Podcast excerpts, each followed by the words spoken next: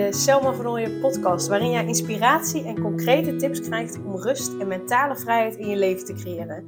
Mijn naam is Selma van Ooyen en ik help ambitieuze moeders die zich opgejaagd voelen en verlangen naar overzicht en rust. Ik help hen overzicht en rust te creëren, zodat hun kinderen zo lang mogelijk kind kunnen zijn, omdat er thuis veel meer rust is. Heel veel luisterplezier!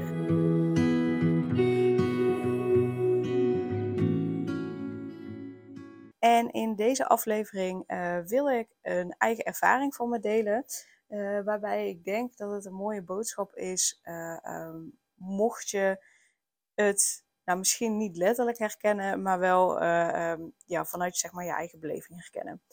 Want, nou, zoals je weet, ik ben zwanger. Nou, inmiddels 12 weken, dus die magische grens van 12 weken is voorbij. Um, en daar wil ik wat over delen. want ik merk dat vind ik wel heel interessant en ik moet er ook wel om lachen.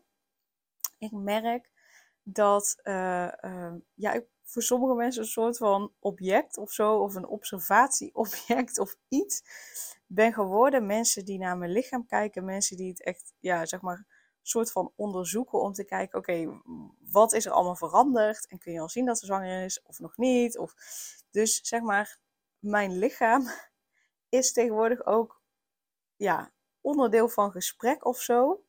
Uh, en, en ja, mensen gaan echt kijken en observeren, zie je wat. En hè, ik weet niet of ik dat misschien ook had. Ik kan me niet helemaal herinneren dat ik er zo deed, maar ik zal dat vast ook hebben gedaan uh, bij andere zwangere vrouwen voordat ik zwanger werd.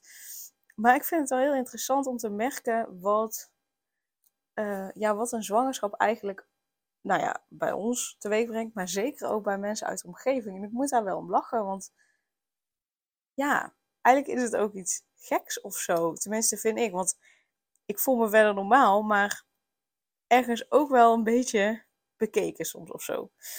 Uh, maar goed, maar dat, dat, dat wilde ik gewoon delen. Dat, dat is eigenlijk niet waar de podcast verder over gaat. Maar wat me ook heel erg opvalt, is dat uh, uh, mensen, of sommige mensen ook, hun eigen ehm, ja, uh, gedachten, dingen die ze hebben meegemaakt of denken mee te maken als ze zelf zwanger worden of zijn geweest, uh, dat ze die ook enigszins op mij projecteren.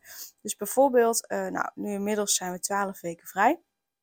En echt meerdere mensen die hebben al tegen mij gezegd van, oh, twaalf weken zijn voorbij en dan kun je vast wel nu echt genieten. En nou ja, mensen die allemaal super blij zijn dat die twaalf weken voorbij zijn. En hè, ik begrijp, die 12 weken is die magische grens, want dan neemt de kans op een miskraam af. Uh, uh, ik, ik begrijp dat mentaal, zeg maar. Alleen, ik heb nooit de angst gehad. En misschien is dat omdat ik voor de eerste keer zwanger ben. en zou dat totaal anders zijn, dat verwacht ik wel. Als ik, als ik al een miskraam zou hebben gehad voor de 12 weken bijvoorbeeld, dan zou ik er waarschijnlijk totaal anders in staan. Dus ik snap het. Uh, maar, maar ik heb die ervaring niet. Dus ik heb die angst niet. Ik had die angst niet dat het voor twaalf weken uh, uh, fout zou gaan. Dus ik vind het heel erg interessant om te ontdekken dat ik bijvoorbeeld appjes van mensen krijg die zo blij zijn voor ons dat die eerste twaalf weken erop zitten. en ik vind dat heel interessant, want dat komt dus vanuit hun belevingswereld. Het is totaal niet mijn belevingswereld of Daans belevingswereld. Ehm, dus ik, ik vind het een interessante observatie om te merken dat en het is super lief wat mensen bedoelen. Hè? Dus, dus als je er een van bent, helemaal prima.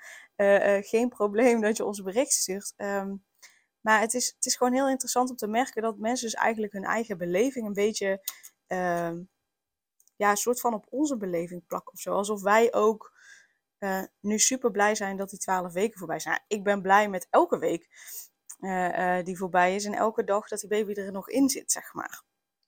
Dus ehm, ik vind het heel interessant wat er gebeurt tijdens ja, mijn zwangerschap met andere mensen. En dus hoe ze bijvoorbeeld hun eigen ervaringen van, van een miskraam of, of wat dan ook, uh, ja, eigenlijk een beetje op onze ervaring leggen. En um, dat, dat zie je, en dit is nu voor mij een duidelijk voorbeeld om aan te halen, maar je ziet dat ook überhaupt in het dagelijks leven. Hè? Dat uh, stel dat jij uh, nog in loondienst bent en je wilt heel graag voor jezelf beginnen. En je deelt dat met mensen in je omgeving. Wat er dan vervolgens gebeurt, En dit is gelukkig echt niet bij alle mensen. Maar wat er wel heel vaak gebeurt, is dat mensen hun eigen uh, angsten, hun eigen onzekerheden gaan leggen op jouw dromen. Dus dat ze bijvoorbeeld juist net gaan zeggen: zou je dat nou wel doen? En ik weet niet of het bij je past. En het brengt veel onzekerheid met zich mee. Bla bla bla. dus ze leggen dan. Um, jij bent heel blij en enthousiast. En ze leggen dan ja, hun eigen angsten en onzekerheden op jouw ervaring. Terwijl dat helemaal niet jouw ervaring hoeft te zijn. Terwijl het helemaal niet jouw beeld hoeft te zijn. En ik vind dat soms jammer, omdat je daarmee ook ja, een beetje de, de blijdschap van een ander onderuit kan halen. En hè, tuurlijk mag je met iemand bespreken van hey, mm, heb je hier aan gedacht, heb je daaraan gedacht? maar meer meedenkend in plaats van ja, eigenlijk iemand een soort van willen overtuigen om het niet te doen of zo. Dus wat ik hoop voor ons allemaal, is dat we onderscheid mogen maken tussen, en ik heb dat ook, hè, dus, de, dus het is niet zo dat ik dit totaal niet doe, maar uh, ik probeer me er wel bewust van te zijn. Dus wat ik hoop voor ons allemaal, is dat we ons bewust zijn van, hé, hey, um, wat ik nu tegen iemand zeg, is dat echt om een ander te helpen? Of komt dit vanuit mijn eigen angsten, bijvoorbeeld? Want het komt altijd vanuit je eigen uh, belevingswereld, want iedereen is anders. Iedereen heeft andere ervaringen, andere jeugd, andere herinneringen, andere overtuigingen. Dus dat is helemaal oké. Maar is wat ik nu deel met een ander, of de vragen die ik stel, de opmerking die ik maak, is dat echt om de ander te helpen in het maken van een keuze, bijvoorbeeld? Of plak ik nu mijn eigen ja, belevingswereld, mijn eigen uh, uh, um, ideeën, plak ik die op de ander? Dat zou ik fijn vinden, want daarmee kunnen we in plaats van elkaar onderuit halen, kunnen we elkaar juist ja, motiveren en ondersteunen en helpen het beste in onszelf naar boven te halen en in elkaar naar boven te halen. In plaats van dat we alleen maar onze eigen angsten en onzekerheden uh, op een ander plakken. En uh, bijvoorbeeld ook met die zwangerschap. Hè? Kijk, ik kan erom lachen en ik kan, kan zien wat er gebeurt. En ik zie, hé, hey, wacht even. Deze angst, deze onzekerheid over dat het voor de twaalf weken mis zou gaan, is niet van mij, maar is van de ander. Uh, dus daardoor ga ik daarin niet mee. Maar als je uh, ja, daarin ja, wat beïnvloedbaarder bent of je toch al onzeker over voelt, dan kan dat in je aangewakkerd worden, waardoor je je onzeker gaat voelen, waardoor je ineens zorgen gaat maken en dat soort dingen. Kijk, en dat is bij mij gebeurd toen wij de intake hadden van de, uh, uh, uh, van de verloskundige. Want tot die tijd was er maar niks aan de hand, had ik heel veel vertrouwen. En echt, ja, na de eerste dagen na die intake begon ik me ineens zorgen te maken. Of eigenlijk in de intake en dan de paar dagen daarna. Uh, omdat in de intake ineens allemaal uh, werd gevraagd: hè, willen jullie de NIP-test? Uh, want daar kunnen ze dit en dit uithalen. Dan dacht oh, dat kan misgaan. Willen jullie in 13 weken echo? Willen jullie in 20 weken echo? Willen jullie whatever nog meer? De deze dingen gaan we testen met een bloedonderzoek. Ehm, dat ik. dat ik geconfronteerd werd met: oh, maar wacht, dit kan ook nog allemaal misgaan. Waardoor ik me zorgen ging maken. En uh, toen heb ik me daar wel door laten beïnvloeden. In ieder geval de eerste paar dagen.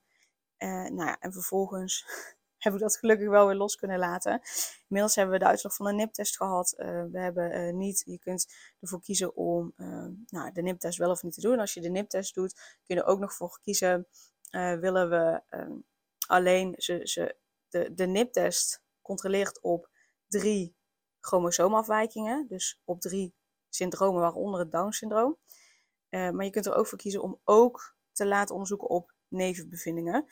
Uh, die nevenbevindingen hebben we dan niet gedaan, maar wel op de ja, zeg maar drie hoofdchromosoomafwijkingen. Nou, daarvan hebben we de uitslag dat dat in ieder geval uh, goed is. dus dat is natuurlijk fijn. Dus nou in principe dubbel feest, want de nipt is in orde en de twaalf weken zijn voorbij. Maar voor mij was die nipt eigenlijk belangrijker nog dan ehm, ja, dan de twaalf weken voorbij zijn. Um, wat zou ik daarmee zeggen? Goeie vraag. geen idee meer. Gewoon een mededeling. De neptest is in ieder geval in orde. 26 augustus hebben we een, ehm, de echo, de 13 weken echo. En uh, voorheen had je alleen de 20 weken echo, die zeg maar een medische echo was. Uh, maar nu zijn ze aan het onderzoeken van, hey, is het misschien verstandiger om de 20 weken echo naar voren te halen en die bijvoorbeeld al met de 13 weken te doen, ehm, waarin we al wat lichamelijke afwijking eventueel tegen kunnen komen, zodat er meer tijd is voor vervolgonderzoek en zodat er meer tijd is om, mocht er iets uit die onderzoeken komen, dat er meer tijd is om een keuze te maken van hey, gaan we stoppen met de zwangerschap of, of niet. Um, dus nou, die is 26 augustus, dus wij doen daar wel aan mee, omdat we het ook wel fijn vinden om dat soort dingen te weten en op tijd te weten. dus dat vinden we wel belangrijk. Maar verder, ja, maak maar ik maak me daar op dit moment geen zorgen over. Ik weet wel, als het de dag is van de echo, hè, dan weet ik ook dat ik ochtends uh, zenuwachtig wakker word. Want dan, dan weet ik, oké, dit gaat er aankomen. misschien gaan ze toch iets vinden. Dat kan natuurlijk altijd. Dus dan vind ik het wel spannend. Maar ja, in principe tot aan die echo heb ik daar gelukkig uh, geen last van. Dus wat ik je graag mee wil geven is op het moment dat jij dus uh, een idee hebt, een droom hebt om iets te doen. Uh, um, en, en je, nou laat ik het zo zeggen, en je bent daar wat onzeker over, hè? dus dat je zelf een beetje twijfelt. Deel het dan in eerste instantie alleen met mensen waarvan je zeker weet dat ze je gewoon onvoorwaardelijk steunen. En dat ze je, um, ja, je, je echt een boost geven ook in je zelfvertrouwen. Van, hé, hey, dat moet je doen, superleuk idee. Maar hey, misschien heb je hier aan gedacht, heb je daar aan gedacht. Zal ik met je meedenken? Dus dat ze echt je, je motiveren ook. En uh, mensen waarvan je voorhand uh, verwacht dat ze uh, ja, dus eigenlijk hun eigen onzekerheden op tafel gooien, deel het daar dan nog eventjes niet mee. Uh, want het zou zonde zijn als je je daardoor laat beïnvloeden. Want dat zijn hun angsten. En misschien zijn hun angsten ook jouw angsten. Dat is helemaal oké. Maar kom daar dan zelf achter dat het jouw angsten zijn. En niet dat je de angsten over gaat nemen. Uh, zeker vrouwen kunnen dat heel erg goed, dingen overnemen van anderen. Uh, dus dat zou zonde zijn. Dus ik heb liever dat je het dan deelt met mensen waarvan je zeker weet, oké, die steunen mij. Zodat je zelf kunt onderzoeken van, hey, past dit bij mij of niet? Wil ik dit doen of niet? Uh, zodat je daar niet door laat tegenhouden, maar je je eigen werkelijkheid en je eigen waarheid kunt creëren. Dus dat in ieder geval. En ben jij dus bewust van dat als een ander reageert op jou, en zeker als er twijfels en onzekerheden zijn, dat dat niets over jou zegt, maar vanuit hun eigen belevingswereld komt. Dus dat dat gaat over hun eigen angsten en onzekerheden.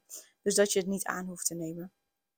En ben je er ook zelf bewust van als je dat doet. En dat het je eigen angsten en onzekerheden dan zijn. En verder niets over die persoon zegt. Dus ook dat wil ik je graag um, meegeven. Um, ja, en dan rest mij nog, weet dat de live middag 12 september, uh, dat je daar nog steeds een kaartje voor kunt kopen. Uh, uh, dus de link die staat in de omschrijving van de, van de podcast. Dus live middag, het hele van je innerlijk kind.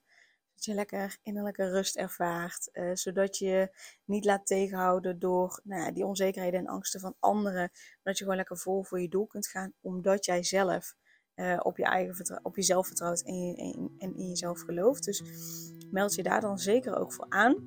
Dus super dankjewel voor het luisteren en super dankjewel alvast voor het volgen en voor je review. En dan wens ik je voor nu een hele fijne dag.